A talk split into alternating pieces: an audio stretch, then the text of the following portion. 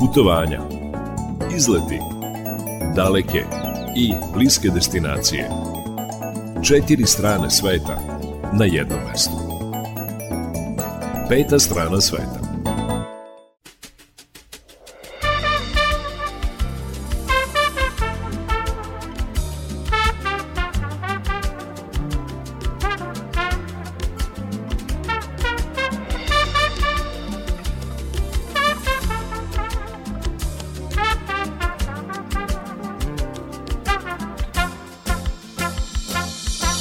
Dobar dan poštovani slušalci, dobrodošli u najnovije izdanje turističkog magazina Peta strana sveta. Evo i najave emisije. Posle izveštaja iz Automoto Saveza Srbije i meteorološkog izveštaja govorit ćemo o našim putnicima na Rodosu, da li su oni zbrinuti. Takođe saznaćete kakva su prava onih putnika koji žele da otkažu svoj aranžman zbog elementarnih nepogoda. Najviše ćemo govoriti o vojvođanskim destinacijama i turističkim atrakcijama. Prošle sedmice bila sam u Vršcu i zabeležila sam nekoliko zanimljivih priča. Veoma mi je drago što Vršačka kula izgleda najbolje do sada. Ovo je zaista njeno najlepše izdanje zbog toga što unutar vršačke kule na četiri sprata postoji nova izložbena postavka. U stvari, od njene rekonstrukcije od 2015. godine ovo je prva izložba koja je napravljena u Vršačkoj kuli i sada posetioci kada dođu u kulu, kada se popnu na Vršački breg, osim predivnog pogleda na čitav vršac, mogu da vide i vršačku kulu u kojoj se nalaze sadržaji koji im kazuju kada je ona građana, šta se sve e, sa njome dešavalo kroz istoriju, tako da sa tog lokaliteta odlaze potkovani znanjem. Kada smo već u Vršcu, predstavit ćemo i jednu lepu muzejsku postavku. Reč je o apoteci na stepenicama, koja je takođe nezaobilazna kada je reč o znamenitostima Vršca. To ćete sve slušati u okviru rubrike Turistička razglednica, a potom ćemo vam predložiti kuda biste mogli da odete ukoliko želite da se raspledite u ovim vrelim letnjim danima. Možda bi idealno bilo da krstarite nekom rekom, možda bolje rečeno rečicom, Sutra će prvi put zaploviti katamaran Čigra Jegričkom, tako da vas pozivamo da budete među putnicima. Ako nemate vremena sutra, onda do kraja leta možda i pronađete neki termin za jedno lepo krstarenje. Potom će naša tema biti predstavljene turističke ponude opštine Žabalj. Tačnije, govorit ćemo o Čurugu, ipak je Čurug najatraktivnije mesto u toj opštini, pa ćemo se podsjetiti kakve sve atrakcije postoje u tom velikom bačkom mestu. Pred kraj emisije e, govorit ćemo o otvaranju arheološkog lokaliteta u Stoparu i za sam kraj tu su i vesti iz sveta turizma. Sa vama će do 18 časova biti muzički urednik Srđan Nikolić, majstor tona Marica Jung, Ja sam Irina Samopjan i volim da kažem na početku emisije neka ovo naše putovanje počne, a ono počinje obično jednom pesmom koja u sebi sadrži putničke motive.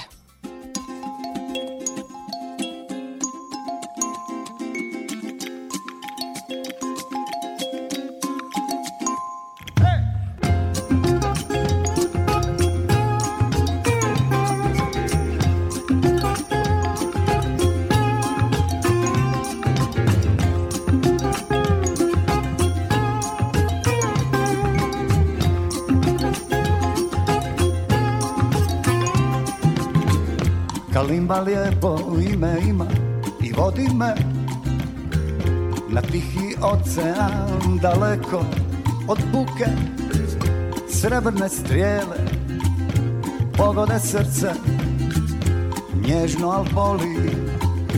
Kad se voli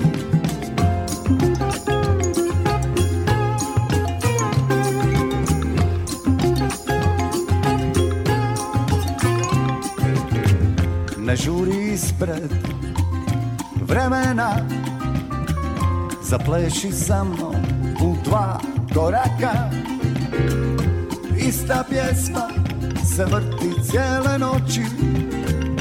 Vječnost urazana na staroj ploči.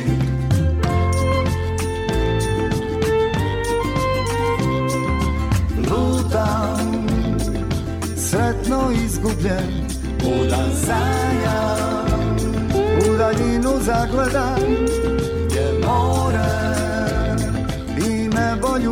se Lutam Kalimba voli me.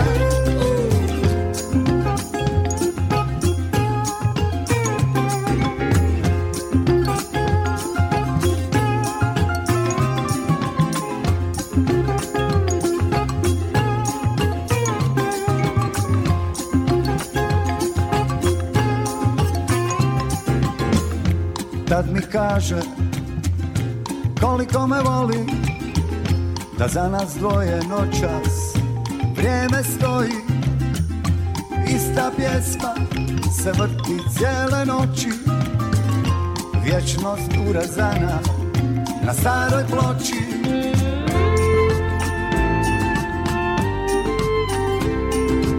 Lutam, sretno izgubljen Kuda sanjam, u daljinu zagledam Je more i nebo ljube se Lutam, kalimba voli me. Lutam, sretno izgubljen. Kuda sanjam, u daljinu zagledam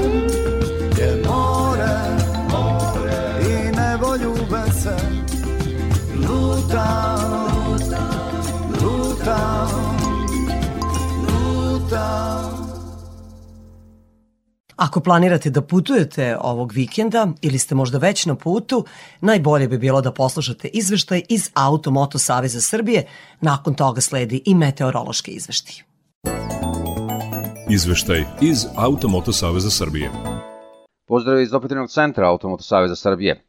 Dobri vremenski uslovi rasterećuju vožnju, a umerene temperature i u najtoplijem delu dana olakšavaju putovanje, što će značiti i u predstojećem vikendu kada se na putevima udvostručuje broj vozila sa stranim registarskim oznakama koji samo prolaze kroz našu zemlju. Putevi Srbije preduzimaju sve neophodne mere kako bi protok vozila kroz naplatu putarine bio brži. Otvoreni su svi raspoloživi kanali, zato zadržavanja u prethodne vikende nije bilo, a i trenutno ih nema. Za informacije o radovima, jer i na ovim delonicama u danima pojačanog saobraćaja potrebno više vremena. U toku je rehabilitacija magistralnog puta Vlaško polje Mladenovac, zbog toga se vozila na ulazu u Mladenovac kreću na izmeničnim propuštanjem. Zbog produženih radova, do 31. jula biće aktuelna i potpuna obustava saobraćaja na putu Silbaš-Bački Petrovac. Prema informacijama dobijenih od uprave granične policije na našim terminalima zadržavanja se kreću do 30 minuta, osim na onim najfrekventnijim prelazima. Pojačava se saobraćaj i na ulazu u Srbiju iz pravca Mađarske. Na Horgošu su međuzone u oba pravca dobrim delom popunjene, a trenutno zadržavanja su na našim ulaznim terminalima oko sat vremena, a na izlaznim oko 20 minuta. Na Kelebi se na našim ulaznim terminalima čeka od 30 do 40 minuta, dok na izlaznim nema dužih zadržavanja. Pojačan je saobraćaj na Bačkom bregu, na kojem su zadržavanja oko pola sata. Na integrisanom graničnom prelazu Preševo sa Severnom Makedonijom zadržavanja su na ulazu u Srbiju oko 15 minuta, a na ulazu u Severnu Makedoniju oko 40 minuta. U narednim danima očekujemo pojačan saobraćaj na terminalima u suprotnom smeru ka Mađarskoj i Hrvatskoj. Zato podsjećamo da pored zadržavanja na našim prelazima uvek dodati vreme koje je potrebno za prolaz terminala kod naših suseda, a koje dosta produžava ukupno vreme zadržavanja. Na našem sajtu ams.org.rs u najnovom izdanju digitalnog magazina Automotorevija namenjenog svim vozačima možete besplatno pročitati veliki broj zanimljivih, interesantnih i korisnih tekstova. Iz Automoto Savjeza Srbije javlja se Jovica Mitić, vozačima želimo srećen put. Požari su zahvatili mnogi destinacije, letnje destinacije u Evropi, govorit ćemo o tome. A sada da doznamo kako će vreme biti kod nas. Vremenska prognoza za putnike. Kakva je situacija u našoj zemlji, to će nam reći naš meteorolog Mijedrag Stojanović. Mijedraž, dobar dan. Dobar dan, Dirina. Kod nas, pretpostavljam, neće biti požara s obzirom na to da više nije temperatura 40 stepeni. Kažu posle Svetog Ilije, sunce sve milije, Sveti Ilija je u sredu, ali već e, smo ušli u neki prijatniji talas temperaturni. E, do duše meteorolozi opet najavljaju preko 30 stepeni ovih dana, ali ne 40.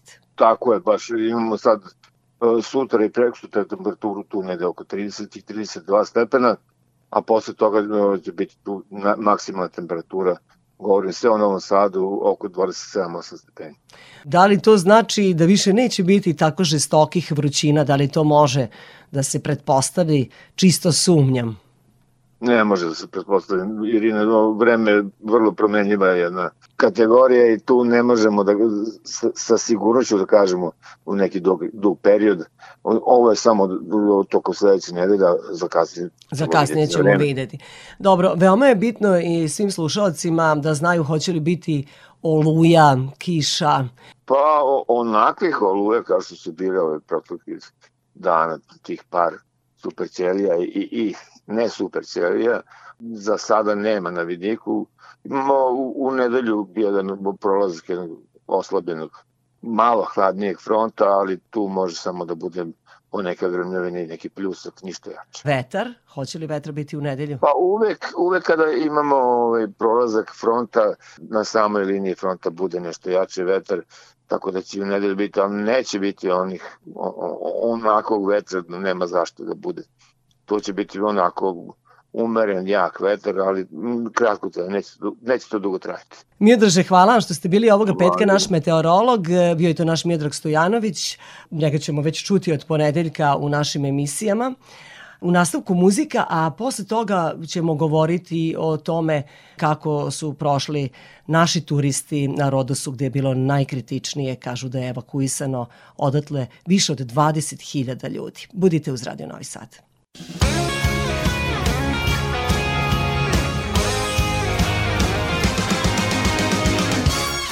I don't know why you think that you could help me when you couldn't get by by yourself. And I don't know who would ever want to tell the seam of someone's dream. Baby, it's fine. You said that we should just be friends while I came up with that line. And I'm sure that it's for the best. If you ever change your mind, don't hold your breath. Look, you may not believe mm, that, baby, I'm relieved mm, when you said goodbye,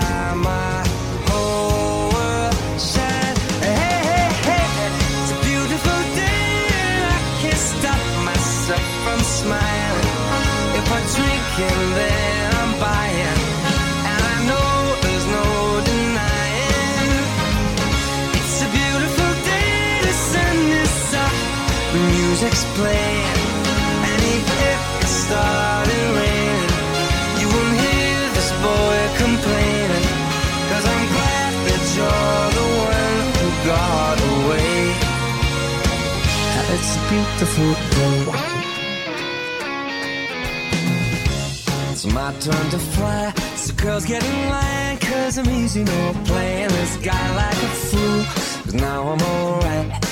Might have had me caged before, but not tonight.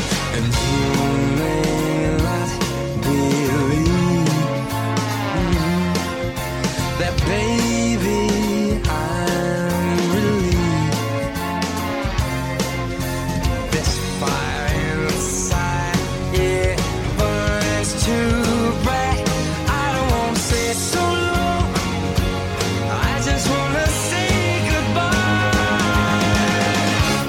It's a beautiful day, and I can't stop myself from smiling.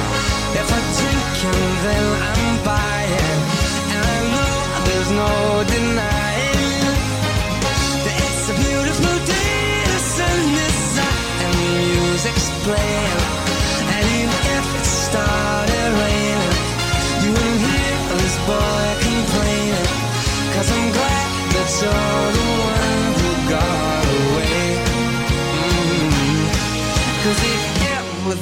Think I'll take up my time with thinking of our breakup, then you've got another thing coming your way. Cause it's a beautiful day.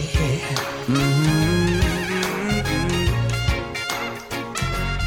Beautiful day. Oh, baby, any day that you're gone away. It's a beautiful day. Turistički magazin na Radio Novog Sada. Peta strana sveta. Poslednjih desetak dana govori se o tome da su požari zahvatili mnoge letnje destinacije, najkritičnije je na Rodosu.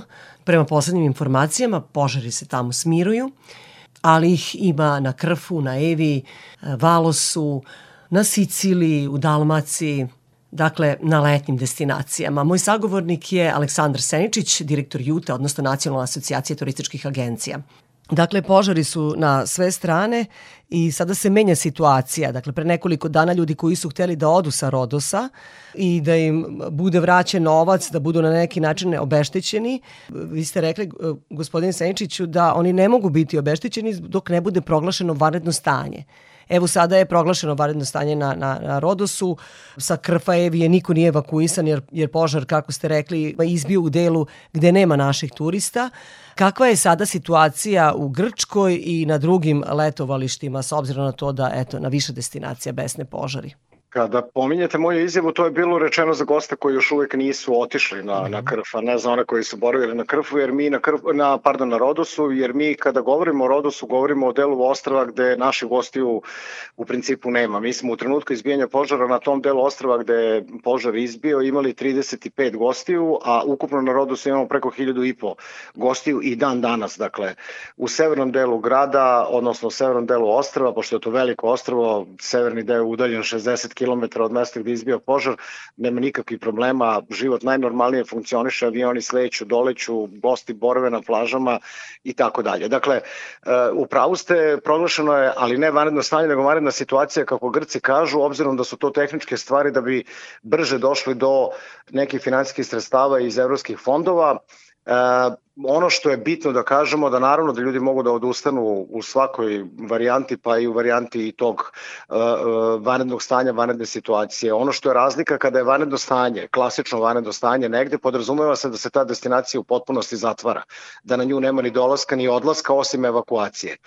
Međutim, ovde to nije slučaj. Dakle, ovde aerodrom i svi putevi i svi morski putevi vode do Rodosa potpuno normalno kažem da pričamo o severnom delu Rodosa, svakako putnici koji, ako ima tih putnika, moguće da ih ima jako malo, koji su uplatili aranžmane za taj deo gde je izbio požar, taj aranžman neće moći da bude realizovan i tu će oni moći da biraju da li će novac ili će zameniti za neko drugo uh, letovanje, možda čak i na tom ostrvu u severnom delu.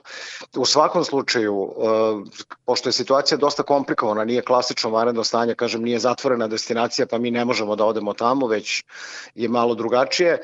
E, u agencije takođe imaju pravo da naplate sve stvarne troškove u tim okolnostima, dakle zavisimo od toga da li će grčki partneri želeti da vrate jer nemaju obavezu da vrate obzirom da kažem na tom delu ostrava normalno život funkcioniše.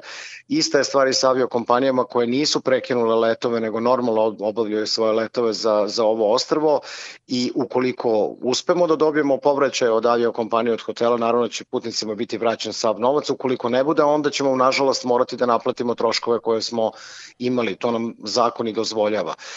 Strah ne može da bude razlog za otkaz, nikada nije ni bio, e, obzirom da mi imamo obavezu da budemo dovoljno odgovorni, da damo zaista prave informacije i da nikoga ne dovodimo u zabludu, a pogotovo ne u situaciju da bude nebezbedan na, na nekoj lokaciji, obzirom da to može da bude pa čak i krivična odgovornost, ali sada ne ulazimo u to. Dakle, ovog trenutka mi ostavujemo hiljadu i po ljudi na Rodosu, niko nije ugrožen ni na koji način, od tih 36 ljudi, 13 ljudi se vratilo odmah, u Srbiju, iako moram da kažem da to nije bila obaveza turističkih agencija, nego su posebno kupljene karte i učinjena je ustupak putnicima koji su doživjeli taj stres, ali 21 putnik koji je evakuisan kada je došao na severno deo ostrva i kada je video kako život funkcioniše, oni su odlučili da ostanu i da završe svoj odmor onako kako je planirano. Tako da u ovom trenutku bitno je da kažemo, od jutra se informacija da je požar na Rodosu ugašen odnosno da apsolutno više ne preti nikakva opasnost. Naravno, to ne znači da će se tamo stvari promeniti odmah, jer će sad ići sanacija štete i tako dalje, ali više nema nikakvih bezbednostnih rizika, bar ne u ovom trenutku. E, kad je reč o ova dva druga ostrava, tu i naše gosti nisu bili ugroženi, niko nije ni u jednom momentu bio e, ni životno, ni na bilo koji drugi način ugrožen, nalaze se relativno daleko, pogotovo na Evi, preko 120 km daleko od požara i nema većih problema. Ono što nam ovog trenutka pravi problem je taj požar na Volosu koji nema direktno uticaja na naše putnike, ali ima uticaja obzirom na putni pravac prema Skjatosu, prema Pilionu, od, gde putuju i odakle se vraćaju naši putnici, ali kažem to je sad tehnička stvar, to se može naravno izbeći nekim malo daljim putem. I ovaj, što se Grčke tiče, u ovom trenutku se drži pod kontrolom e, i požar na Sitoni koji je pretio u jednom trenutku da će ugroziti neka letovališta, međutim sada je lokalizovan i stvari idu u dobrom pravcu. Na drugim stranama, osim Sicilije koja da. a, gori već danima i gde italijani takođe razmatraju uvođenje vanredne situacije i svi koji to rade, a nalaze se u Europskoj uniji, to rade iz tehničkih razloga da bi bila dostupna pomoć Evropske unije, jer ona može da se dobije samo u takvoj situaciji. U ovog trenutka još uvek ne ugrožava letovališta, a pogotovo ne letovališta gde se nalaze naši putnici. Imamo kontakt na dnevnom nivou, svi su da kažem na sigurnom, potpuno normalno provode svoje odmore, ne vidi se taj požar sa svih lokacija, ovaj, u ovom trenutku e, italijani tvrde da ga drže pod kontrolom i da je on smanjen u odnosu na neki intenzitet koji je bio pre par dana. Nažalost, da. to je stvar koja će se dešavati tokom leta, dakle, ovaj, svake godine imamo sličnu priču, ovo je bilo ovako malo radikalno na Rodosu, ali evo na sreću polako se i ta priča završava. Da, ipak je najteže bilo na Rodosu, evakuisano je više od 20.000 ljudi i zaista u celoj Grčkoj oko 30.000, tako da to nikada nije bilo zabeleženo u Grčkoj i njihovi mediji Slažem sami javili o tome, da. Ako mi dozvolite, samo ću da Recite. da prokomentarišem kratko to. Upravo ta evakuacija od 25-6 hiljada ljudi na, na Rodosu e, radi se o 10 hiljada e, lokalnog stanovništva i oko 20 hiljada gostiju iz zapadne Evrope. Moram da to napomenem zato što je ovde u medijima puno bilo priča o tome kako se napušta ostrvo, jedna tako se je. čeka da se ode i tako dalje. To je vezano isključivo za gosti Zapadne Evrope. Ne zato što oni više brinu o svojim ljudima, nego zato što gosti Zapadne Evrope uglavnom borave na Rodosu jug, jug i jugoistok ostrva. Ta mhm. letovališta su značajno skuplja. Mi na tim delovima ostrva zaista imamo u tragovima goste. Naši gosti tamo ne odlaze. I obzirom da nije bilo moguće naći alternativni smeštaj za 10 15.000 ljudi, onda su organizovani letovi koje, te, koje su te ljude vratili u njihove zemlje. Dakle, to je razlog, a ne zato što su oni bili u, ra, u gradu Rodosu ili na severu gde su izmešteni, e, izloženi bilo kakvoj opasnosti. Da. Evo, ako možemo za kraj ovog razgovora samo da zaključimo, dakle, oni turisti koji narednih dana treba da idu na Rodos ili možda na e, požarom pogođena ta ostrava Krfevija, e, ne treba da se brinu, neće njih agencije voditi tamo gde je požar, tako da Naravno. aerodrom radi, je li tako, na, u Rodosu, u glavnom gradu? Pa mi imamo, mi smo juče imali redovne linije Air Srbije i grčke kompanije Aegean i, i sutra imamo redovne polaske, dakle to su puni avioni od po 180-200 ljudi. Ljudi moraju da imaju malo više poverenja. Ako damo informaciju da je nešto bezbedno, nećemo sebi, dovoljno smo odgovorni ljudi da nećemo slati nikog da bude nebezbedan sa jedne strane, a sa druge strane to uvećava naše troškove agencijske ukoliko bi te ljude doveli tamo i za dan, dva oni bili ugroženi, mi bismo da. bili ti koji bi morali da ih vrate nazad i koji moraju da organizuju organizuju. Dakle, nije racionalno to i sad ono najvažnije možda za nas kao neko ko radi sa tim grčkim partnerima, treba pokazati malo empatije, ti ljudi žive od turizma, zaista nema razloga da se otkazuje na severu i timi ćemo im i pomoći da što pre izađu iz cele ove krize. Da. I evo možemo još samo za kraj da dodamo, ukoliko neko e, iz straha e, želi da otkaže svoj aranžman, moraće da snosi troškove, zapravo neće, im, e, neće mu agencija vratiti novac. To sve zavisi, to Recite. zavisi od slučaja do slučaja. Dakle, agencija će svakako biti u obavezi da zatraži povraćaj novca i od avioprevoznika i od hotela. Da li će ga dobiti, to je sad veliko pitanje. To sad ne mogu da vam kažem jer će zavisiti zaista od, to nije pravilo jer na, kažem vam, kad god može da se izvede ta usluga, kada nije sprečeno da se izvede usluga, ni aviokompanija ni hoteli ne moraju taj novac da vrate. To zavisi od njihove dobre volje. Te usluge su nažalost plaćene unapred. Biće sigurno i onih putnika koji će dobiti novac nazad. Da. Siguran sam u to, ali da. ne treba na to računati. Da. Ali Tako kada je vanredna situacija, onda se vraća novac, ali sada je ipak drugačije potpuno je svejedno da li vanredno stanje, vanredna situacija, elementarna nepogoda. U bilo kojoj od tih opcija agencija ima pravo da zadrži stvarne troškove ukoliko ne može da ih povrati. To mora biti dokaziva stvar. Znači, u svakoj situaciji i kada je opravdan razlog od ustanka, agencija ima pravo da zadrži stvarne troškove. Ona je dužna da zatraži od svojih partnera povraćaj tih, tog novca, ali ukoliko ga ne dobije iz nekog razloga, nažalost, to će snositi i putnik. To je zakon na međunarodnom nivou, mi smo ga samo preuzeli, to kaže i zakon o zaštiti potrošača i zakon o turizmu.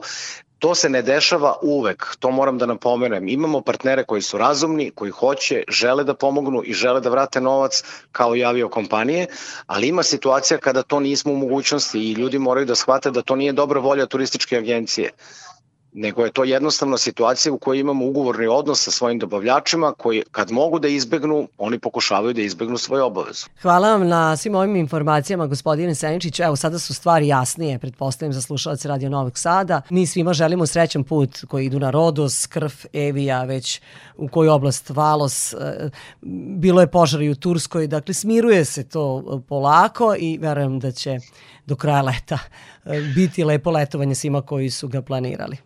I ja se nadam, eto da pozdravimo slušalci, da zaista kažemo da ne treba da brinu, da budu u, u stalnom kontaktu sa turističkim agencijama preko kojih putuju, tu će dobiti najsvežije informacije i zaista malo više poverenja u, u to o čemu pričamo, zaista nikom od nas nije interes da šaljemo bilo koga da na bilo koji način bude ugrožen bilo gde, gde god da putuje. Još jednom hvala gospodinu Seničiću, dakle čuli ste Aleksandra Seničića, direktora JUTE, odnosno Nacionalne asocijacije turističkih agencija. Radio Novi Sad.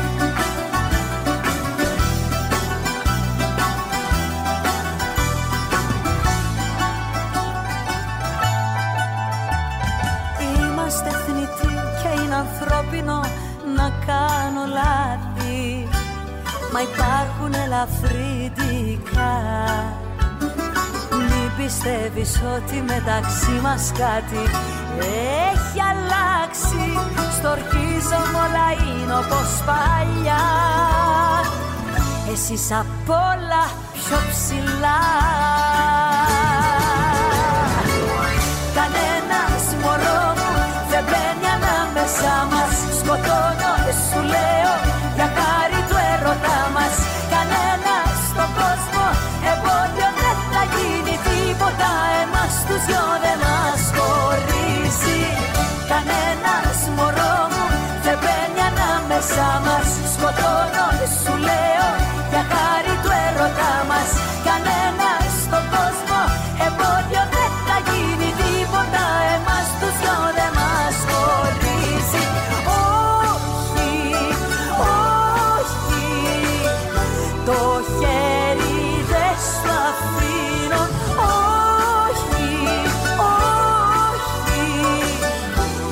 δεν πάω πουθενά. Κανένας μωρός μου δεν μπαίνει ανάμεσά μας. Σκοτώνω σου λέω για χάρη του ερωτά μας. Κανένας στον κόσμο εμπόδιο δεν θα γίνει τίποτα.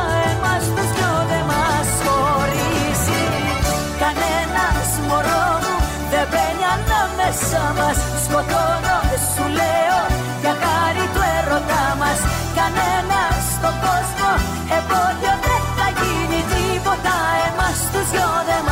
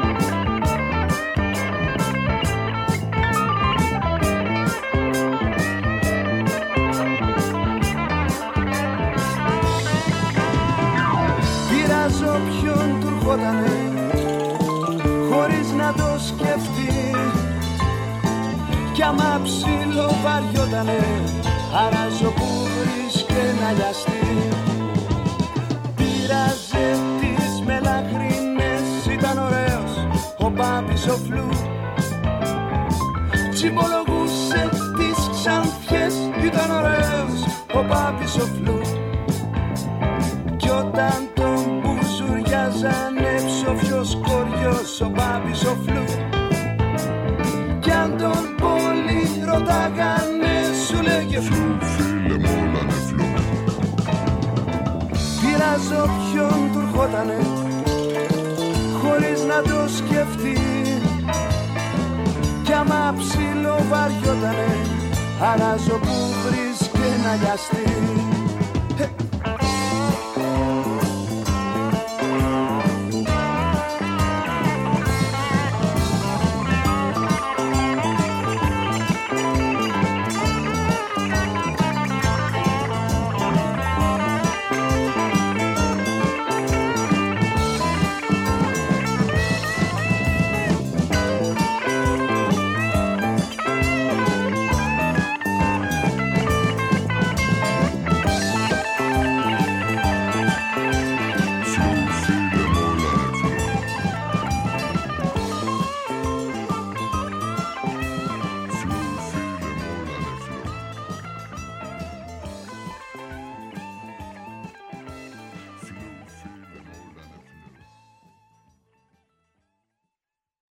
Prošlog vikenda bila sam u Vršcu, za koji kažu da je najlepši grad u Banatu, sad neki će se složiti, neki ne, neki kažu da je lepši Zrenjanin, neki pominju Belu crkvu, neki pak vole Kikindu, ali to je već stvar ukusa. Vršac je u svakom slučaju prelep i ima zaista mnogo znamenitosti, a najveća znamenitost i simbol toga grada je svakako Vršačka kula.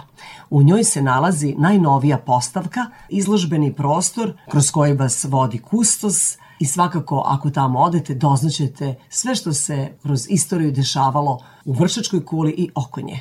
Uskoro ćete detaljnije saznati o kakvoj postavci je reč.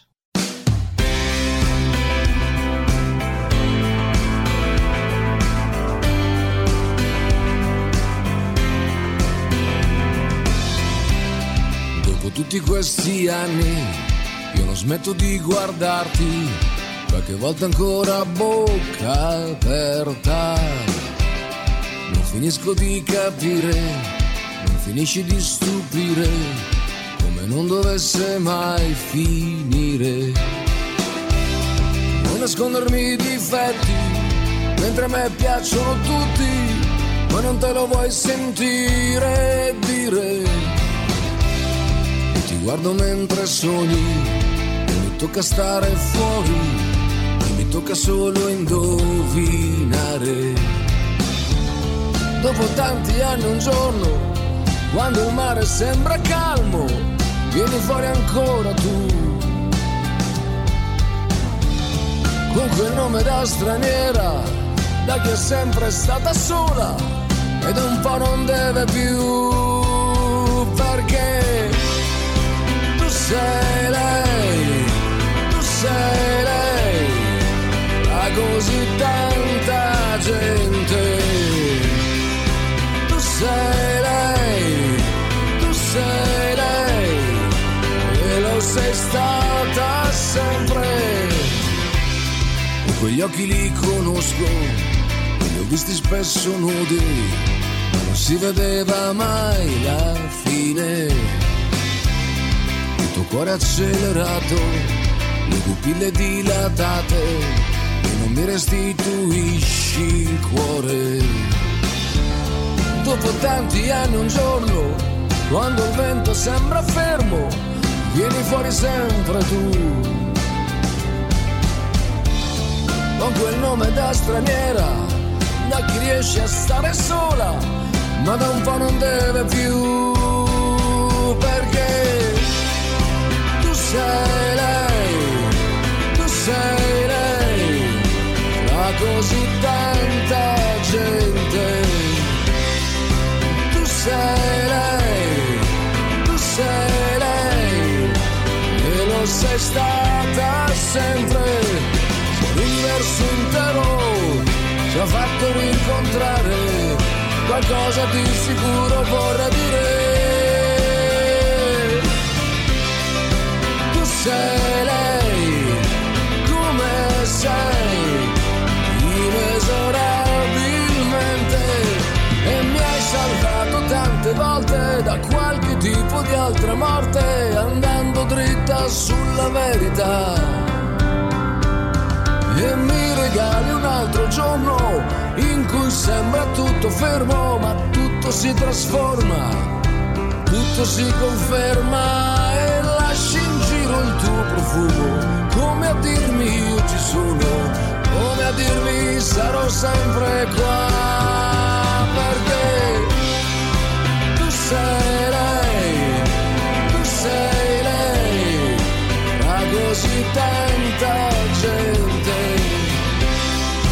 tu sei lei, tu sei lei, e lo sei stata sempre. L'universo intero ci ha fatto rincontrare, qualcosa di sicuro vorrà dire. Tu sei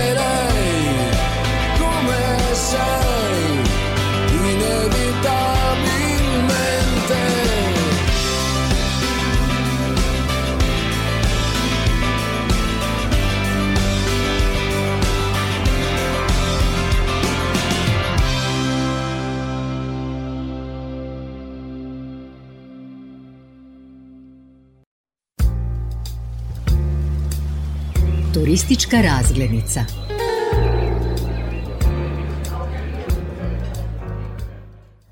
Vršačka kula je simbol Vršca. Kogod turistički dođe u Vršac, a ne mora ni turistički, kogod prolazi kroz Vršac ili uopšte čuo da postoji e, lepi e, barokni grad Vršac e, u Banatu, onda zna i za Vršačku kulu koja se nalazi i na zastavi grada.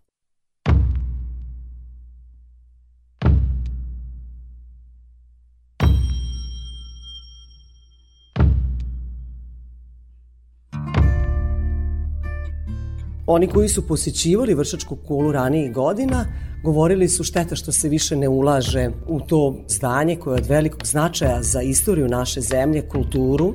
Ona je danas u mnogo boljem izdanju nego što je to bila prethodnih godina. Mi ovde čak možemo da vidimo i jednu predivnu postavku na četiri sprata. Jedan od autora izložbe je Stefan Mavrović, on je kustos istoričar u Gradskom muzeju u Vršcu. Stefan će nam na početku reći nešto o istorijatu tvrđave. Želeo bih da kažem da e, podaci o srednjovekovnoj istoriji Vršca i o samom nastanku kule postoje u istoriografiji već preko 70 godina. Samo su prošli krajnje nezapaženo i nisu prihvaćeni. Od e, naših historičara Sima Ćirković je pravilno prvi identifikovao srednjovekovni er šomljo sa današnjim vršcem, a Olga Zirović, poznati osmanista, utvrdila da je turski naziv za vršac u stvari Šemlik. Inače, samo utvrđenje se prvi put u istorijskim izvorima spominje 1323. godine. Spominje se Kastelan, što navodi... Dakle, u 14. veku, a kao neki osnovni podaci govore da je izgrađena u 15. Posle pada despotovine yes, 1439. Yes. jer je sećanje na Đurđe Brankovića dugo ostalo na ovim predelima, a posebno za vreme turske vladavine i upravo je kult Brankovića bio mnogo jači od svetosavskog kulta, makar tada. Neka inicijalna kapisla za osnivanje kule, odnosno izgradnju, bila je mongolska najezda, pre turske opasnosti bile su pretnje Mongoli i oni su jedno svojih pohoda 1241. razorili tada južne krajeve Ugarske I onda je ugarski kralj Bela IV. poučen tim negativnim iskustvom u narednim decenijama krenuo da podiže utvrđenja širom Južne Ugarske u cilju bolje odbrane i tako da je nastalo i ovo naše utvrđenje gde je prvi najstariji sačuvani za sada pomen je iz 1323. godine.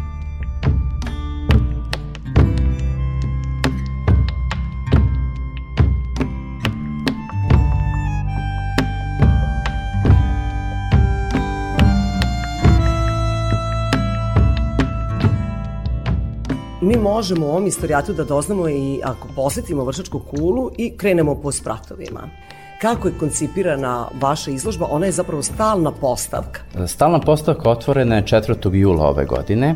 Do tada kula je otvorena za posete od njene rekonstrukcije 2015. Tek od ove godine imamo sadržaje i upravo je prvu fazu radova finansirala lokalna samuprava Koleganice i ja smo podelili stalnu postavku hronološki, obuhvata period od 1227. godine kada je i prvi pomen vršca kao ugarski kraljevski posjed i sve do kraja turske vladavine koja je bila 1718. godine. Mi smo prvi put predstavili javnosti bogate arheološke predmete koji su nađeni na ovom lokalitetu i na, i na lokalitetu oko Vršca, tako da današnju postavku čine i hladno oružje i delovi ratničke opreme, zatim e, replike hladnog oružja, zastave, dvojezični informativni tekstovi, idealna rekonstrukcija diorama, makete vršačke kule.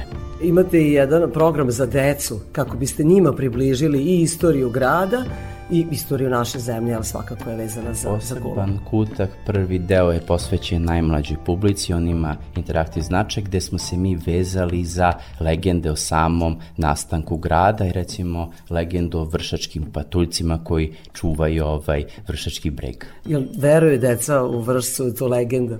Jeste, jer je izašla i knjiga sa legendama, tu nam je pomogao i Dušan Belča koji je naš poznati publicista, tako da i oni pozitivno reaguju, imaju i kartolinu da se slika. Deca su po pravilu i najbolji kritičari.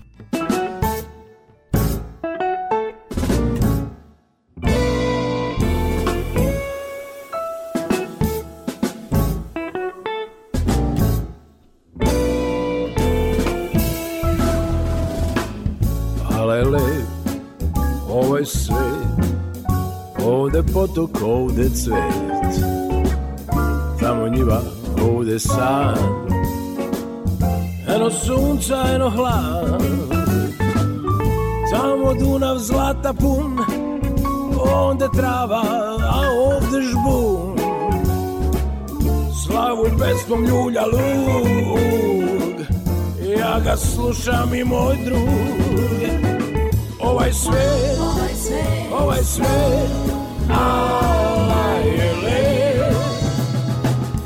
Ovaj svet, ovaj svet, ovaj svet, ala je lep. Tamo Dunav zlata pun, ovde trava, ovde žbun. Dajte sunce, dajte sunce,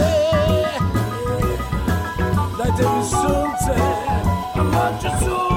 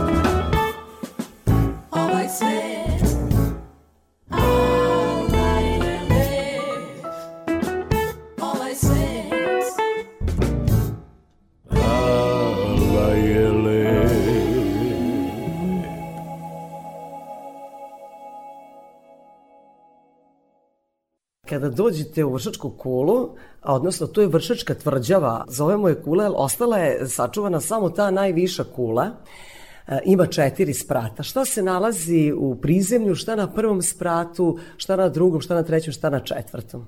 U prizemlju se nalazi upravo dečiji kutak sa garderobom, odnosno scenografskim elementima iz tere. Na prvom spratu je uh, ugarski period, gde se nalaze i originalni predmeti, zatim imamo uh, zastave i replike hladnog oružja. Na sledećem spratu je e, predstavljen e, period despotovine, gde bih posebno istakao jednog zapadnog evropskog viteza replika, to je na prelazu iz 15. i 16. veka sa keramikom iz tog perioda i poslednju etažu čini e, turski e, period gde se nalazi jedino opipljivo svedočanstvo iz turskog perioda, a to su e, turski vodovodi, jer su Turci na ovim predelima bili 164 godine i tu se nalazi jedna e, zastava koju su mi uzeli, to je originalno zastava lovačkog udruženja sa kraja 19. veka i na njoj se nalazi i vršačka kula koja egzistira na našem e, grbu grada. S obzirom na to da je izložba nova, kako se zove izložba i to da saznamo? Naziv izložbe je život u utvrđenju u srednjovekovnom Banatu. Ona je stalno karaktera, neće se pomerati, ali će se sigurno dopunjavati, jer nas na jesen očekuju novi radovi posredstvom pokrajinskog sekretarijata nastavak aktivnosti na njenom obogaćivanju i a, Republika će finansirati digitalne sadržaje, 3D model i 4G a, projekciju kule i upravo se nadamo da će ova izložba dovesti do još aktivnosti bilo u građevinskom smislu, bilo arheoloških iskopavanja, njeno potpunavanje i a, digitalni sadržaj. U svakom slučaju i vi kao kustos istoričar, vaše kolege kao koautor izložbe ćete dopunjavati izložbu. Takođe od septembra očekujete e, i ekskurzije da e, u većem broju počnu da posećuju Vršačku kulu.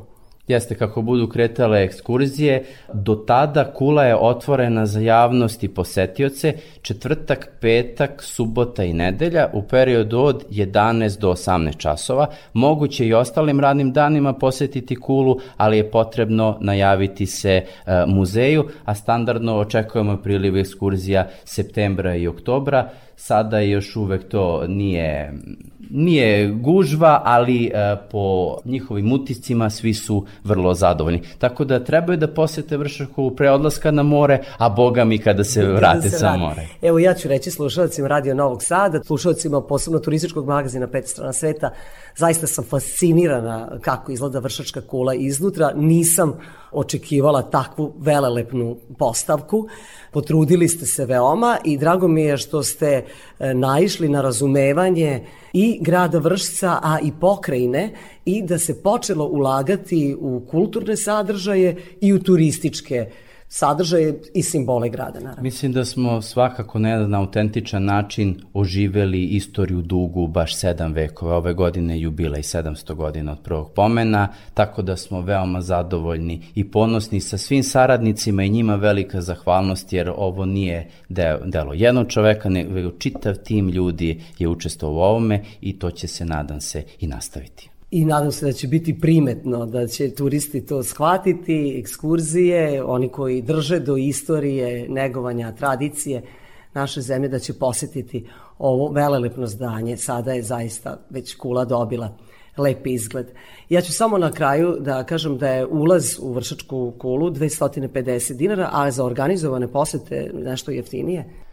Za studenti i penzionere je 200 dinara, a za organizovane takođe. Čuli ste kako izgleda danas Vršačka kula. Moj sagovornik bio je Stefan Mavrović, on je kustos istoričar u Gradskom muzeju u Vršcu, koautor izložbe. Peta strana sveta.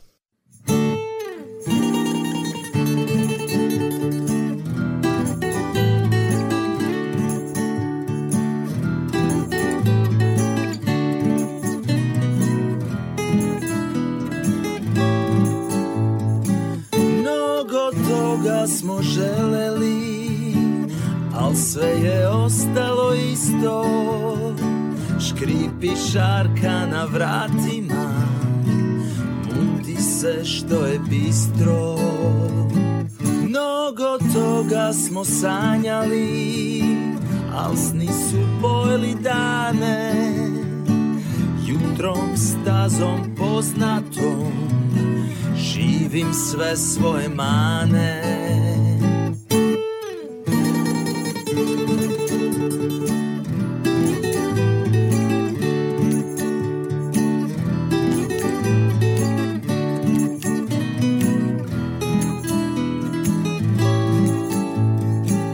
U kafani svi nasmejani Niz grlo pivo teče O ničemu ne razmišljam Sutra zaboravim večer.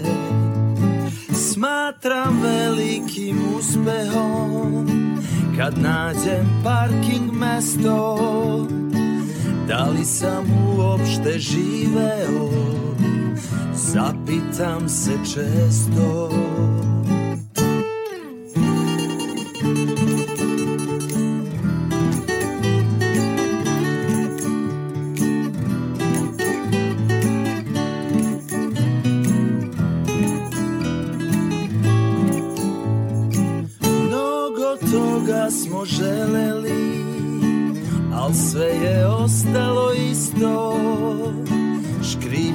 Šarka na vratima, muti se što je bistro.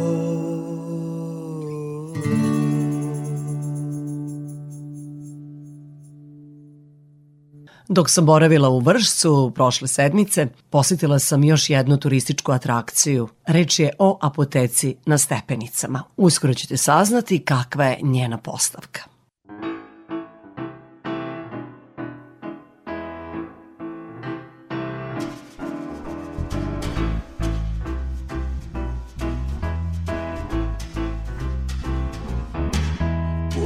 Gradu nema niko ko ovu tajnu zna I nema nikoga na ulici od mastila. U ovoj sobi nema ništa osim osmeha i ti ja.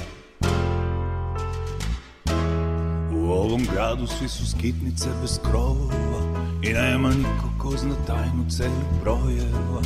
U ovoj sobi sjaje sveće iz ogledala I ti ja. Pesme moje za nas dvoje. Pevam samo za oči tvoje.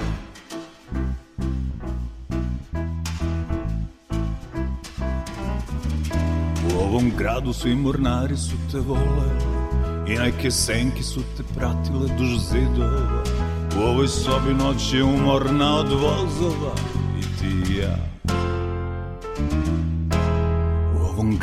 sam glasniji od oblaka?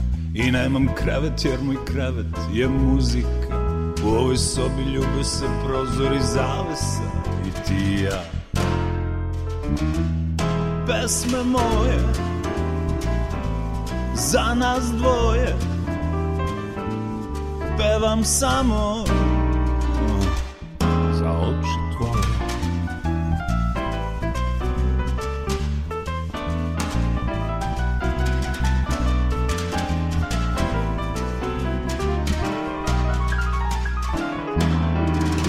gradu. Ljudi umiru zbog ljubavi A možda ne bi kad bi znali samo pevati. U ovoj sobi ljubav peva prstima i ti ja. U ovom gradu žive mali tužni klovnovi I tebe jure svojim kolima od cimeta U ovoj sobi noć je umorna od pogleda i ti ja. Pesme moje za nas dvoje. Pevam samo pesme moje. Za nas dvoje. Pevam samo. Oh, Za oči tvoje. Turistička razglednica.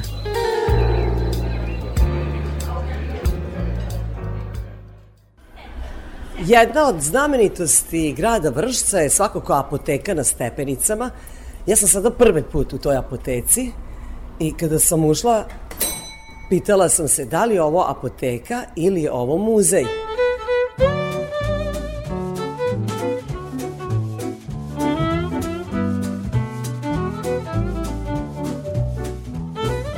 Andrijana Radić me je dočekala u apoteci na stepenicama, kao što dočekuje mnogi turiste. I šta im vi kažete kad vas oni pitaju je li ovo apoteka ili muzej? S obzirom na to da izgleda kao apoteka. To nam se zaista dešava, dolaze ljudi i pitaju da li primamo lekove na recept i to. Traže neki lek što ne mogu Jeste. nigde da nađu.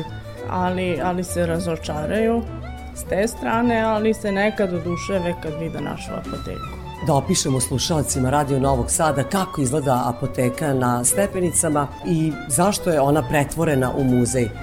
Šta je ona u prošlosti bila, a šta je ona danas? Apoteka na stepenicama, takozvana, inače apoteka kod Salvadora, ali je poznata po stepeništu koje je nadograđeno na originalnu zgradu, iako je netipično, pošto zgrada je barokna, ali eto postao neki znak raspoznavanja. Osnovana je 1784. godine, u pitanju nemačko stanovništvo i u samom startu je građena za tu namenu, uključujući i visoki krov koji ima nekoliko etaža na kojima se sušilo lekovito bilje, sa delovima zgrade u kojima je bila laboratorija, proizvodnja i u jednom delu je bio stan apotekara.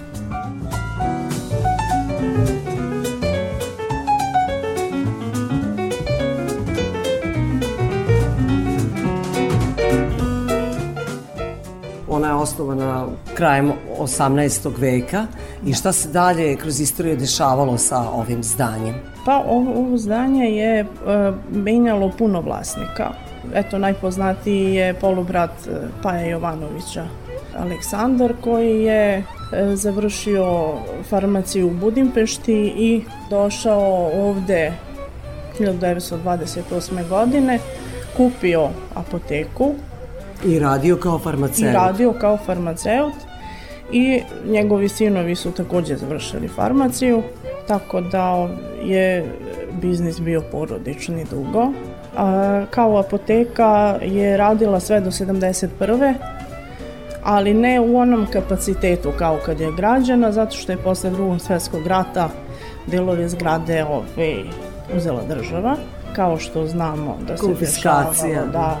I od 71. je on prodao Aleksandar Jovanović, u stvari ne, Jovan, on više nije bio živ tada, ali ne, porodica je prodala stan i apoteku u opštini, koja je to pretvorila u muzej.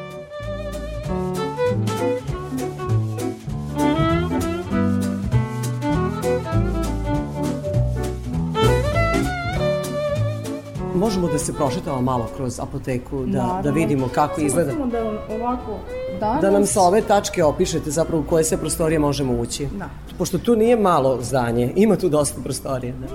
Danas u apoteci imamo ovaj, originalnu oficinu, samu ovaj, apoteku sa originalnim e, nameštajem, kasom, vagom, zvonom. Da, I to se vidi odmah s vrata. Jeste. E, imamo postavku e, Istorija farmacije u Vršcu, e, gde je prikazan eto, istorijat pre svega ove apoteke i medikamenata koji su se koristili tu su predmeti iz lab- laboratorija, ambalaža, štampani, mobilijer i tako. I u drugom delu apoteke imamo prirodnjačku zbirku E, jedan deo se sastoji od zbirke prepariranih životinja, stare preko 100 godina, koje je rad e, majstora taksidermista iz Temešvara, zbirka minerala i fosila i na kraju je zbirka nalaza iz neolita, iz ledenog doba i ono što jako volimo da kažemo deci, imamo zub mamuta. I tu se oni oduševe, je li tako? Da.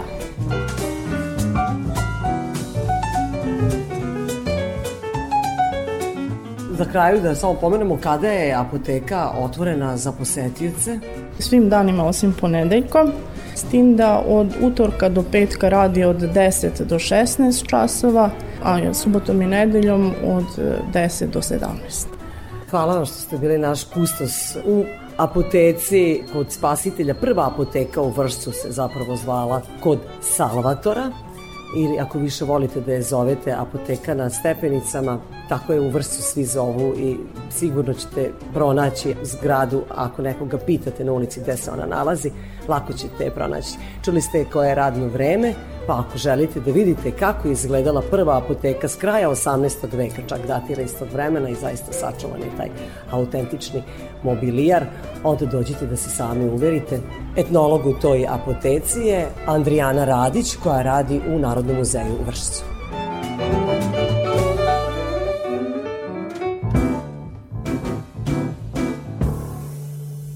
Peta strana sveta.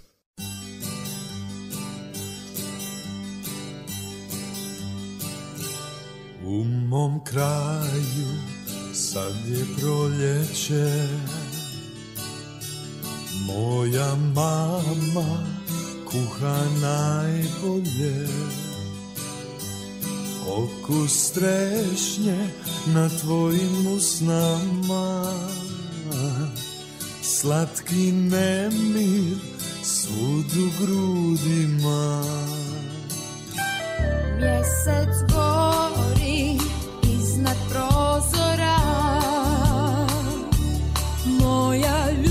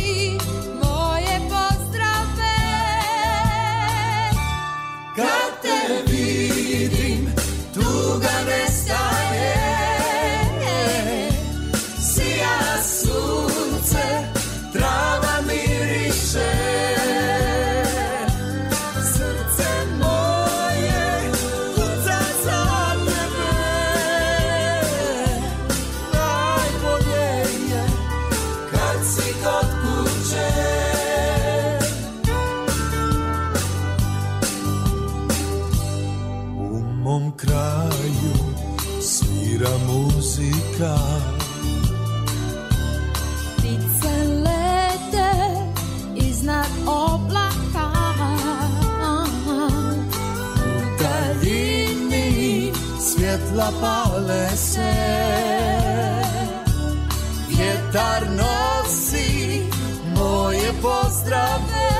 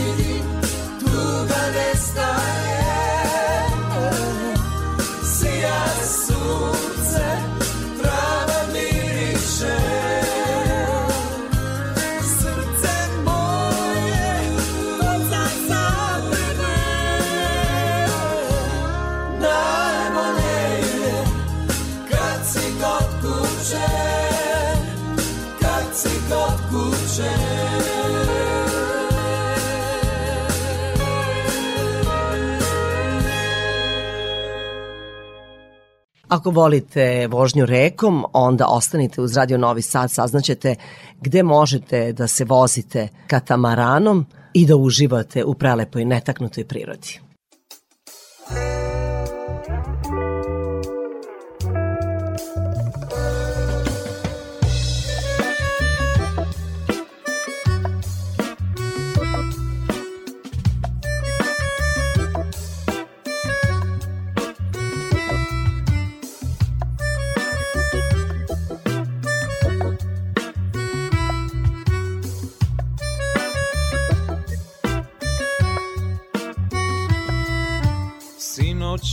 Bilo boje mora, a ja nisam imao s kime da zaronim.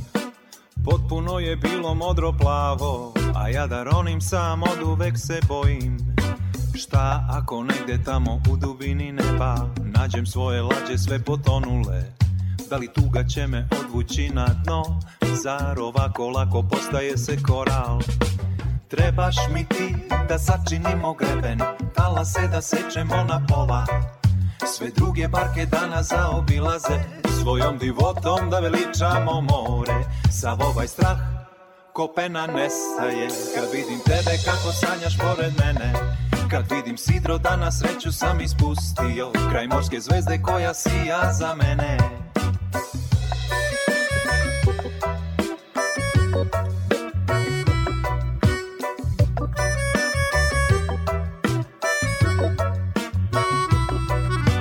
miris tvojih dredova na jastuku I crnog vina koje popili smo juče. Pomešan sa biljkama što vire nam kroz prozore To je život. I opet novo jutro me je umilo Počinje klasično svakodnevno ludilo. Al sad imam sidro koje me drži Čvrsto na zemlji i tera da izdržim. Trebaš mi ti da sačinimo greben Talase da sečemo na pola Sve druge barke danas zaobilaze Svojom divotom da veličamo more. Sav ovaj strah ko pena nestaje kad vidim tebe kako sanjaš pored mene. Kad vidim sidro da na sreću sam ispustio Kraj morske zvezde koja sija za mene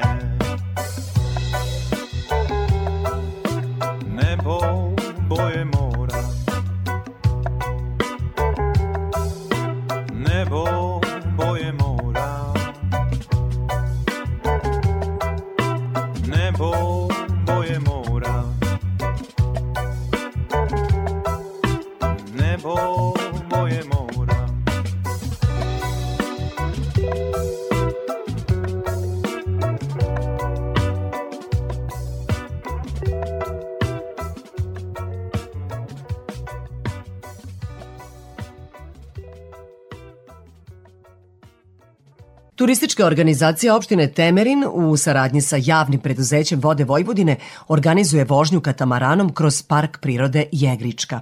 Katamaran Čigra prvi put ovoga leta zaploviće Jegričkom sutra, a do kraja leta ploviće petkom i subotom od 17 i 18 časova. Organizatori kažu da će biti još termina za plovidbu ukoliko bude velikog interesovanja. Kako će izgledati ta plovidba, saznajte u nastavku. Povedi me. Kroz opštinu Temerin reka Jegrička protiče 18 km njena dužina kroz tu opštinu, a ideja da se vozikamo e, katamaranom je potekla od turističke organizacije opštine Temerin. Moja sagovornica je Tamara Šite, ona radi u toj turističkoj organizaciji. Tamara, dobar dan. Dobar dan Irina i pozdrav za sve vaše slušalce. Meni se mnogo dopalo kada sam pročitala da postoji ovako jedna atraktivna vožnja i rekla sam to obavezno moram da vidim o čemu je reč i doći ću da napravim uh, jednu reportažu o vašoj plovidbi, ali hajde sad da pozovemo slušalce kako izgleda vožnja katamaranom Čigra, odakle se kreće, da li se igde zaustavljamo, gde se završava Mhm. plovidba, ima li neka čarda da pojedemo ribu, sve nas to zanima. Evo ovako, vi kad dođete u Temerin sigurno ćete uživati na našoj Jegričkoj. Znači, katamaran Čigra kreće da plovi iz infocentra Parka prirode Jegrička koji se nalazi znači, oko 4 km od izlaza iz e, opštine Temerin prema Bečeju. E, može da primi maksimalno 12 ljudi, znači idealan, idealan broj za neko veće društvo, a može i e, mora da bude bar 6 ljudi da bi katamaran uopšte vozio, s tim da je onda karta malo skuplja. Znači vi ćete u tom trenutku ploviti kroz e, najviši stepen zaštite Parka prirode Jegrička u nekoj dužini od oko 7 km do smatračice za ptice koja se nalazi negde, na, da kažemo, na granici dve opštine, znači Temerin i susedne opštine Žabalj. Uživat ćete u velikom broju ptica koje ćete videti usput, znači netaknuta priroda i tišina, e, znači onako pravi doživljaj za ljubitelje prirode, tako da kažem. Koliko traje vožnja? Vožnja katamaranom Čigra traje oko sat vremena. Nakon završene vožnje katamaranom Čigra uživate u šetnji oko infocentra Parka prirode Jegrička, da se proštate do drvenog mostića nad, nad Jegričkom, da se fotografišete, napravite lepe us, uspomene. Ukoliko želite da ručate u, u, nekom tako zanimljivom prostoru kao što je Park prirode Jegrička, preko puta infocentra se nalazi i čarda, tako da možete i da odete i punog stomaka iz Temerina. E, vožnje katamaranom Čigra se obavezno moraju najaviti i to na naš broj telefona 021 844 4655, to je turistička organizacija opštine Temerin. Znači nas nazovete i sve se dogovorimo oko termina koji vam najviše odgovara. Naravno nakon toga ukoliko želite da večerate na čardi, pozovete njih, rezervišete i to je to. Je to. Da. Znači ništa komplikovano. Da. A broj telefona evo još jednom 021, pozivni za Temerin isti kao za Novi Sad, Tako jer ste je. blizu nas. 844 655, još Tako jednom je. da, da svi je. čuju. S tim da možete da nam pošaljete e-mail temtour.org, hotmail.com, znači to je ili da nas, da nas zapratite na Facebook ili Instagram stranici i tamo možete dobiti sve informacije, možete nam pišete i na Instagramu i na Facebooku, tako da ovaj, sve odgovorit ćemo u svakom slučaju. Hvala vam Tamara na svim ovim informacijama. Verujem da je ovo dobar predlog za tople letnje dane i da oni koji su čuli da će to negde staviti u svoj plan, da će se provozati jegričkom katamaranom Čigra po reci koja protiče kroz Temerin, još jednom ću reći 18 km. Inače je to autohtona bačka rečica. Jeste, tako je. Hvala, Hvala vam i dobrodošli u Temerin. Hvala na pozivu i vidimo se sigurno. Sa nama je bila Tamara Šite, ona radi u turističkoj organizaciji opštine Temerin. Čuli ste šta je za ovo leto ta turistička organizacija pripremila turistima koji će posetiti Temerinski kraj. Peta strana sveta.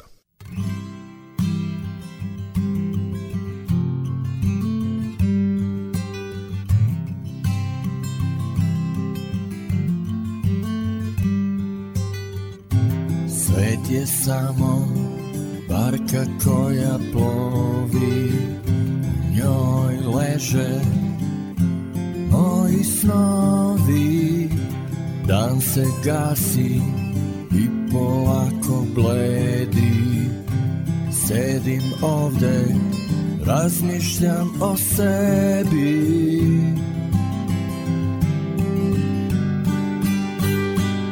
Da li znaš, još jedan ode dan? Je, je, je, da li znaš Još jedan prođe sam?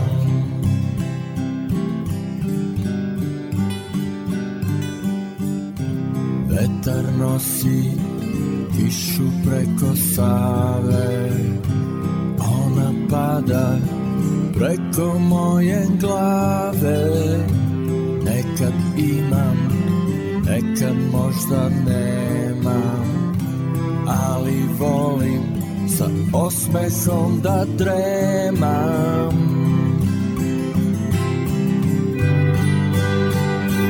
Da li znaš Još jedan ode dan Je, je, je Da li znaš? Još jedan prođe sam.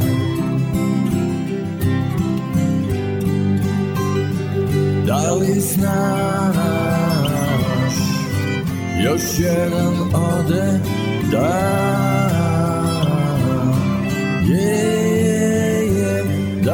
Znaš Još jedan prođe sam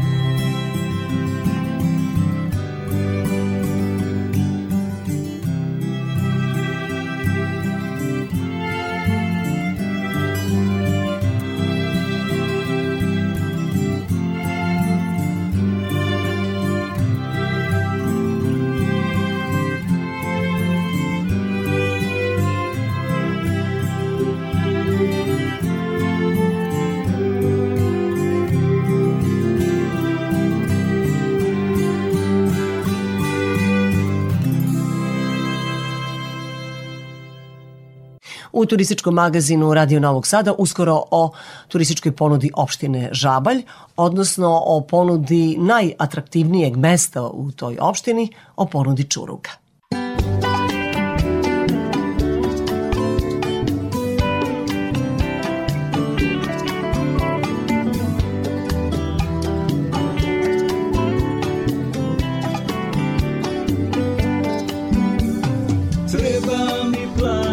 só.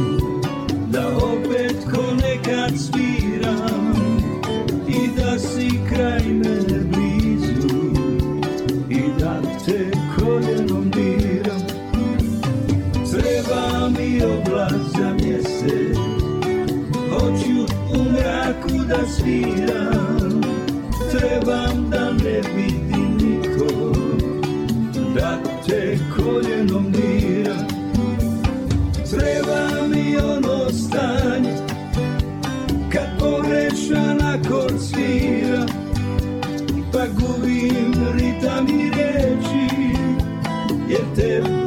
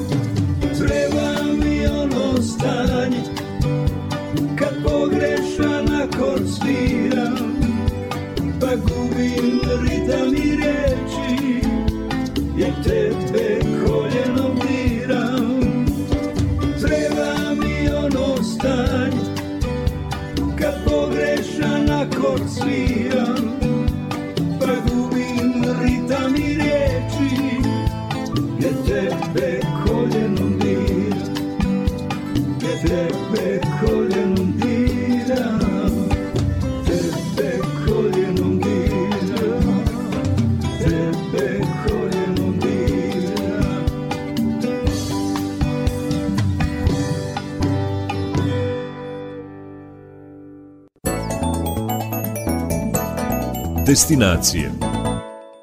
U nastavku govorimo o turističkoj ponudi Čuruga u kojem je prošle godine otvoren informativni centar, turistički informativni centar. To mesto se nalazi u Žabeljskoj opštini, a u samom Žablju ne postoji turistički informativni centar, postoji samo kancelarija turističke organizacije. Ipak Čurug ima mnogo toga da ponudi o tome šta možete videti u tom velikom bačkom mestu. Razgovarala sam sa Marijom Čupić koja radi u tamošnjem informativnom centru.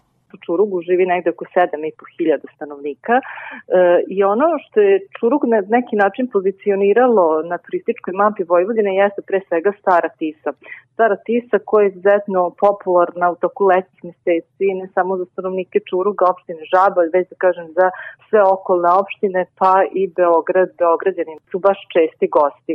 Tako da mi svake godine beležimo sve veći broj turista i posetilaca i mogu da kažem da se nekih par, poslednjih par godina traži i krevet, više mesto, više se traži u Čurugu. E, Čurug je mesto bogate e, istorije, kulture, tradicije. E, U Čurugu, kao što smo spomenuli, desio se taj jedan nemio događaj tokom drugog svetskog rata, i od 2013. godine u Čurugu je otvoren muzej žrtava racije.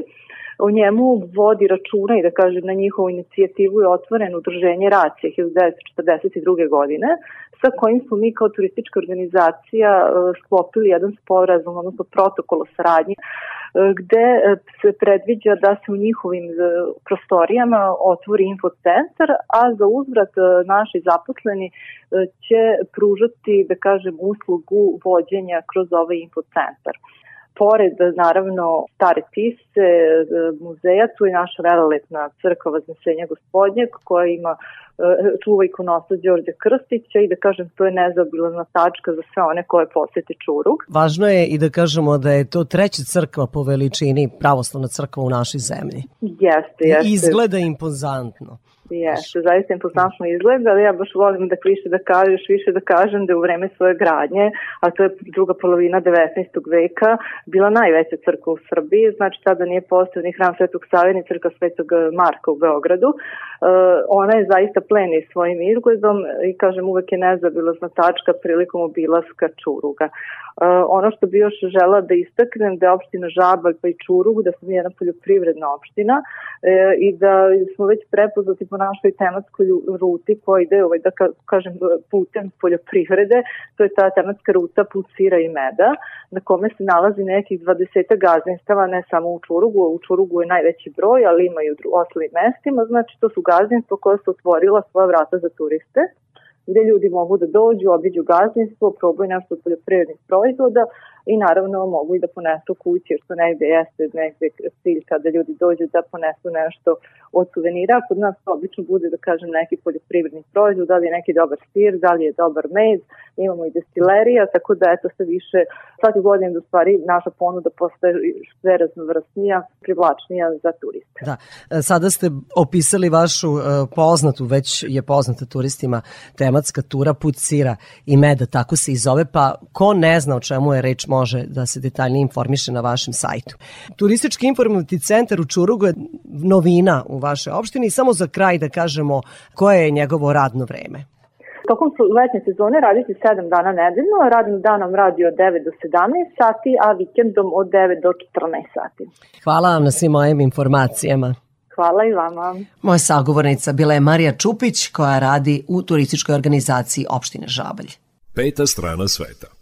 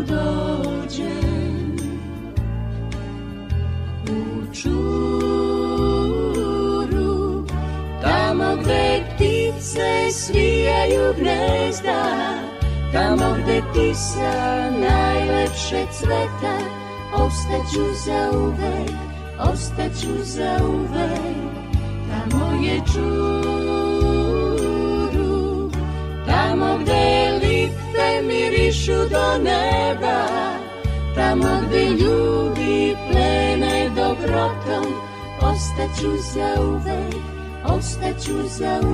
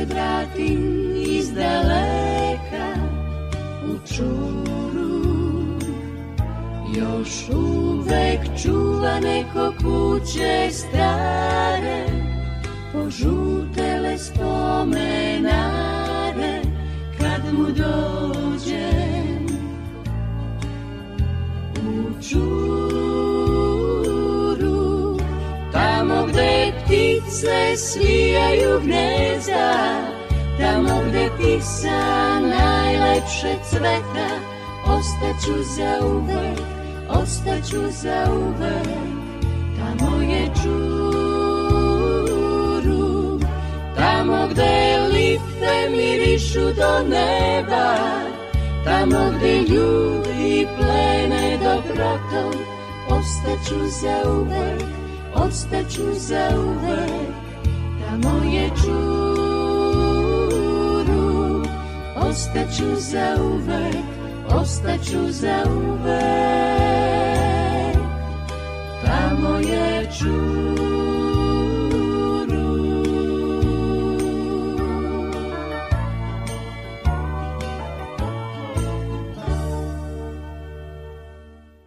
Budite uz Radio Novi Sad, uskoro ćete čuti koja je turistička atrakcija otvorena u okolini Užica, reč je o jednom arheološkom parku.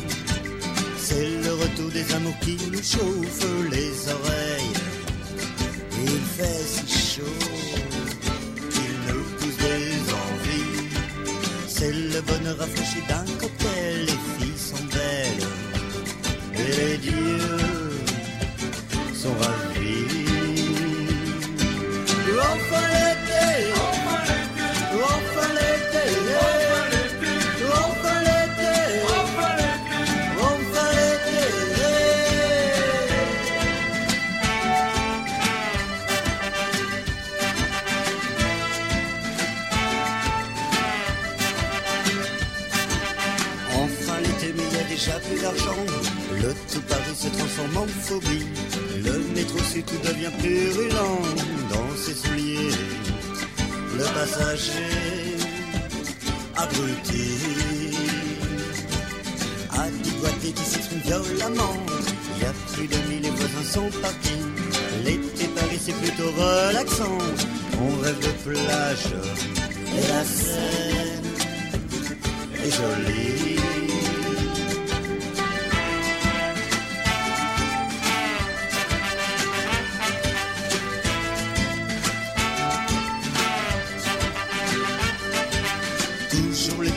Pas du superflu. Il fait trop chaud, le soleil m'a basourdi. Rillettes sous les bras, j'avance dans la rue. Je pense à ces cons qui seront chiés dans le lit. Tous ces torches qui vont cuire dans jus. Tous ces noyés, le mer, quelle saloperie. Et sur les routes, le danger, ça vous tue. Vivement l'automne, je me sens tout aiguille.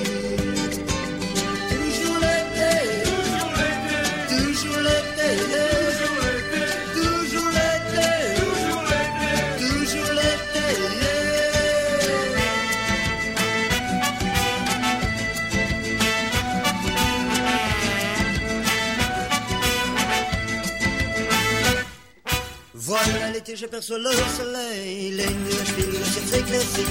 Et dans ma tête qui bourdonne les abeilles, j'entends rugir les plaisirs de la vie.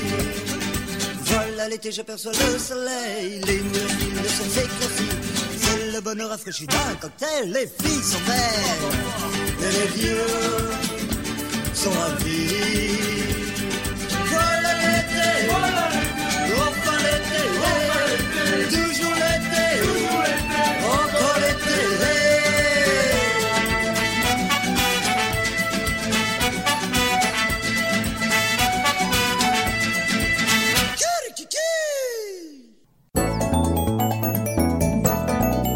Povedi me. Arheološki park na otvorenom Sta Park u Staparskoj banji kod Užica otvoren je za posetioce. Reč je o rekonstruisanom naselju iz doba vinčanske kulture.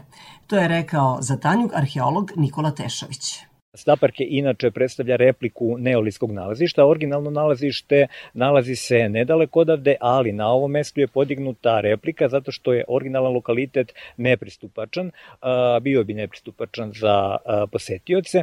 E sad ovde je predstavljen neolitski horizont lokaliteta sa Staparske gradine. Inače iskopavanja su vršena 50. godina 20. veka i konstatovano je višeslojnan lokalitet, znači mi imamo slojeve od preistorije do kasnog srednjeg veka, tako da znamo da na ovom mestu stvari imamo kontinuitet života od praistorije a, pa do danas praktično. E sad taj neolitski sloj, on je, a, to je u pitanju je barem predstavljen ovim parkom, imamo naravno nešto i ranije, ali ovde je predstavljena poslednja faza vinčanske kulture, koja je predstavljena sa ove četiri kuće, kakve su se zaista tu nalazile, i jednom poluzemunicom. Obzirom da je u pitanju da je arheološki park, odnosno arheološki park u stvari muzej otvorenog tipa, ovde za posetioce imamo tematske postavke u ove četiri kuće, tako da u jednoj kući imamo recimo, nazvali smo je neolitska kuhinja, odnosno ishrana u neolitu, zatim imamo zanate, grnčarstvo i obrada kamena, zatim tekstil i porodični život. Prema rečima arheologa Tešovića, u narednom periodu biće organizovane i radionice za najmlađe. radionica za keramiku gde će se deca učiti recimo toj neolitskoj tehnici keramike, ali i možda još nešto šire. Zatim imamo nakit, radionica za izradu nakita, jako lepa radionica, volao bih da to da što više ljudi dođe i vidi to. Zatim imamo tkanine, to je tekstil, gde će deca isto učiti da prave te tkanine, obzirom da recimo mi u vinčarskoj kulturi imamo potvrđeno da su imali tkanje, poznavali. Tako da bi to bilo jako lepo da deca vide i te radionice koje će biti svakako i ove godine. Do sta parka, koji se nalazi na 7 km od Užica, možete stići uređenom zelenom pešačkom stazom kroz kanjon Đetinje, a uskoro bi tom trasom trebalo da krenu i dva električna vozila. Posetioci koji dolaze motornim vozilima da bi stigli do arheološkog parka moraju koristiti put preko sela Stapar. Arheološki park na otvorenom Sta park posetioci mogu da pogledaju petkom, subotom i nedeljom od 11 do 18 časova. Peta strana sveta.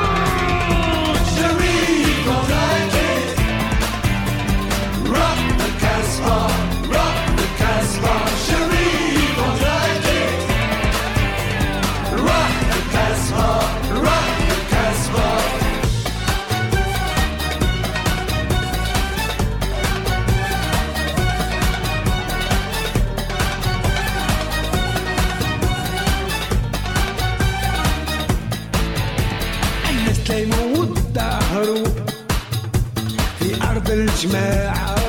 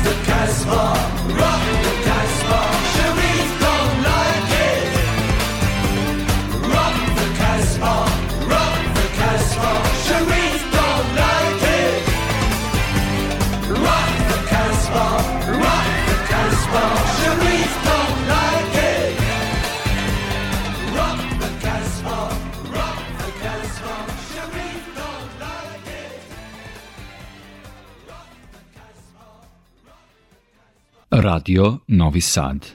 Ostanite uz nas, uskoro će i vesti iz sveta turizma.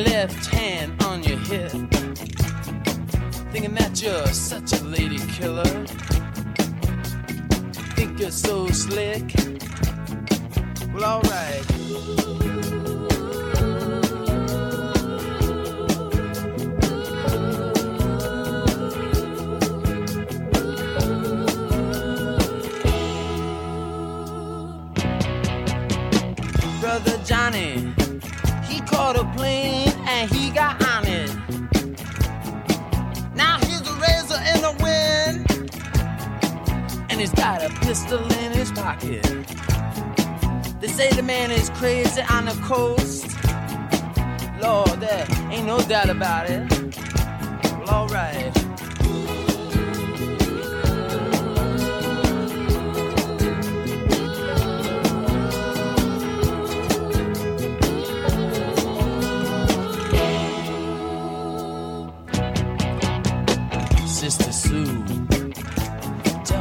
Baby, what are we gonna do? And she said,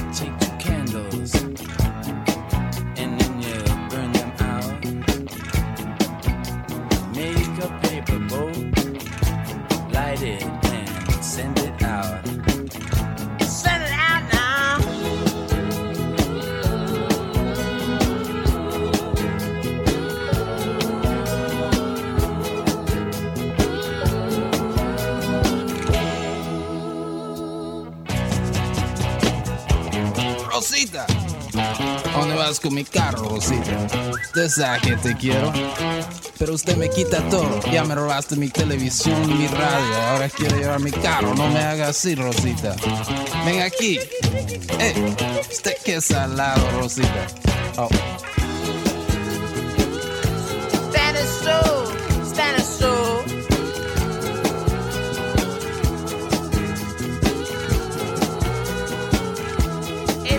Hey, look for you, man.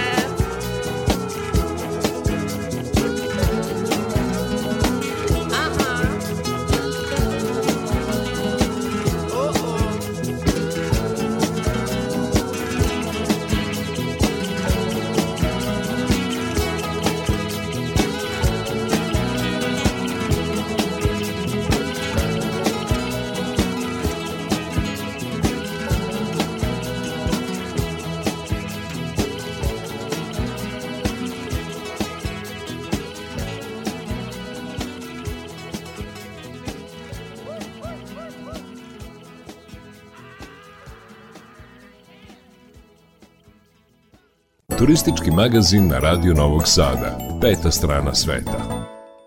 Evo i vesti iz sveta turizma.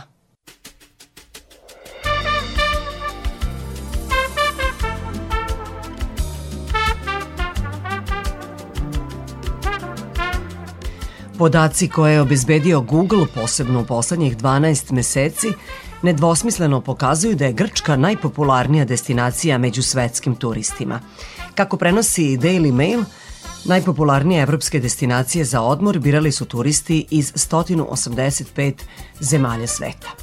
Prvo mesto na listi je zauzeo Santorini, a na drugom se našla Ibiza, na trećem Kanarska ostrava, odnosno Tenerife.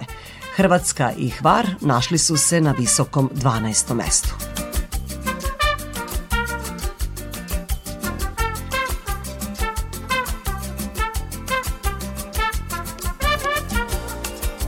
Petnaesti sajam Dunava počeo je danas u Golubcu, a trajeće do nedelje.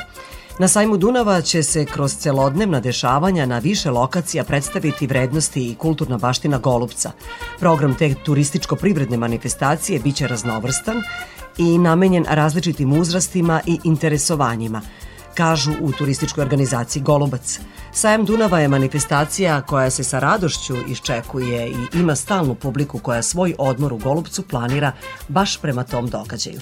Brojnim programima za tri dana trajanja manifestacije obogaćuju se sadržaj i turistička ponuda naše opštine, što je čini još poželjnijom letnjom destinacijom, pojašnjava direktorka tamošnje turističke organizacije Jelena Petrović. Tokom sajma Dunava u gradskom parku će biti smešteni etno dvorište iz Majevo selo.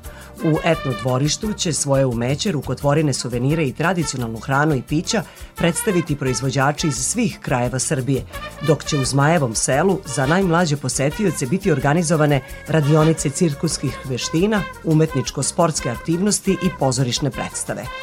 Deo sajma Dunava namenjen je i sportskim sadržajima, a to su demonstracija i takmičenje u jedrenju, pecanje na plovak za juniore i seniore i takmičenje u odbojci na pesku.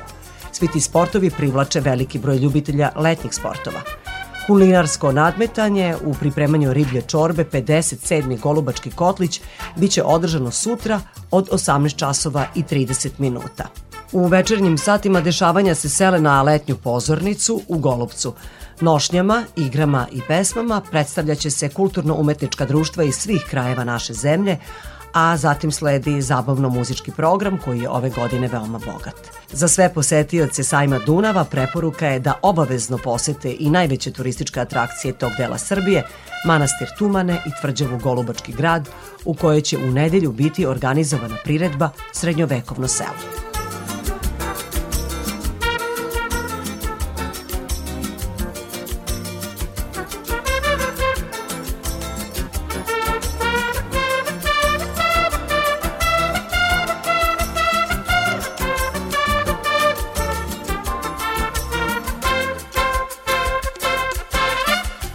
Čuveni magazin svrstao Bosnu i Hercegovinu među najpoželjnije destinacije sveta, idealan spoj istoka i zapada. O tome piše sajt Pun Kufer.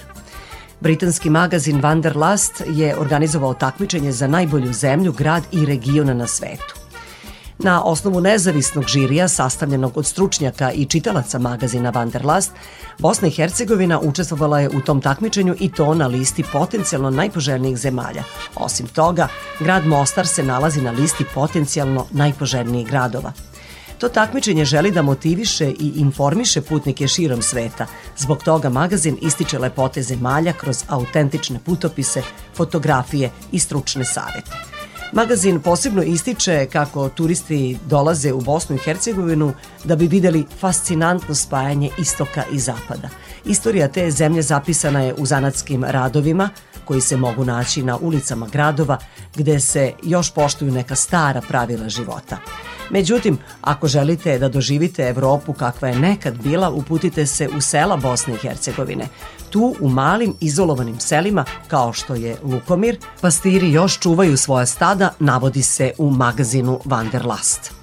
Priroda je takođe fascinantna, tu su tirkizni slapovi, jezera i reke kao što je Divlja Una, što Bosnu i Hercegovinu čini glavnim mestom za rafting, kajak i kanu – sa šumama koje pokrivaju gotovo 50% te zemlje, nacionalnim parkovima i nekim od najimpresivnijih vrhova u Dinarskim Alpima, Bosna i Hercegovina je zemlja koja je raj za planinare i ljubitelje prirode.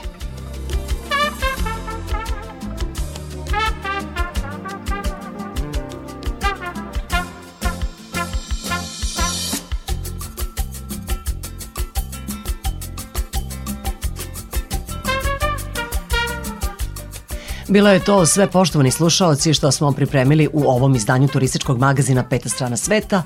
U 18 časova su naše najnovije vesti, a potom i naša muzička emisija Randevu sa muzikom. Sa vama su ovoga petka bili muzički urednik Srđan Nikolić, majstor tona Marica Jung, ja sam Irina Samopjan i želim vam srećan put.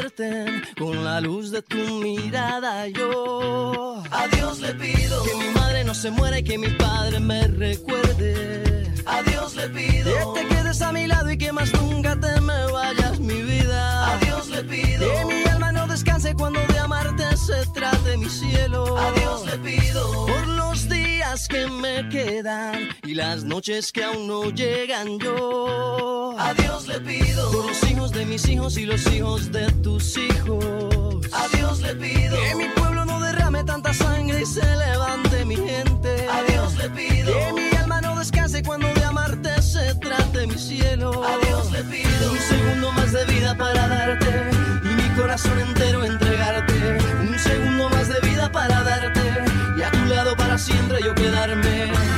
Un segundo más de vida yo. A Dios le pido enamoro sea de vos y que de tu voz sea este corazón. Todos los días a Dios le pido que si me muero sea de amor y si me enamoro sea de vos y que de corazón. Todos los días a Dios le pido. A Dios le pido.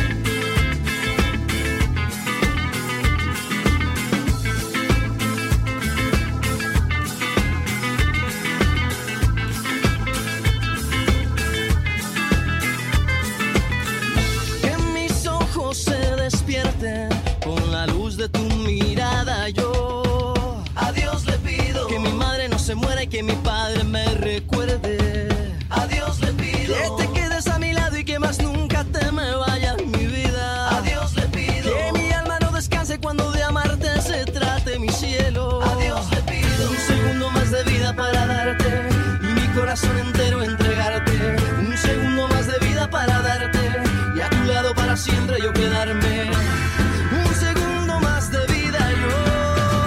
A Dios le pido que si me muero sea de amor y si me enamoro sea de vos y que de tu voz sea este corazón. Todos los días a Dios le pido que si me muero sea de amor y si me enamoro sea de vos y que de tu voz sea este corazón.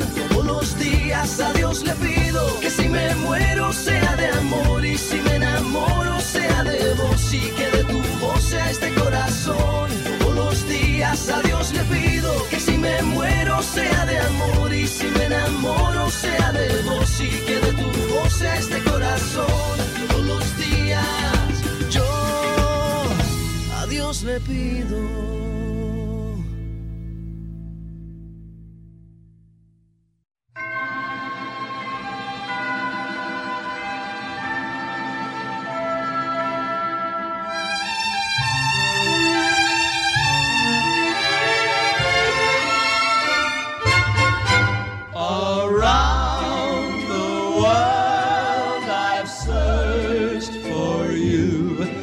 Traveled on when hope was gone to keep a rendezvous. I knew somewhere, sometime, somehow, you'd look at me and I would see the smile you're smiling now. It might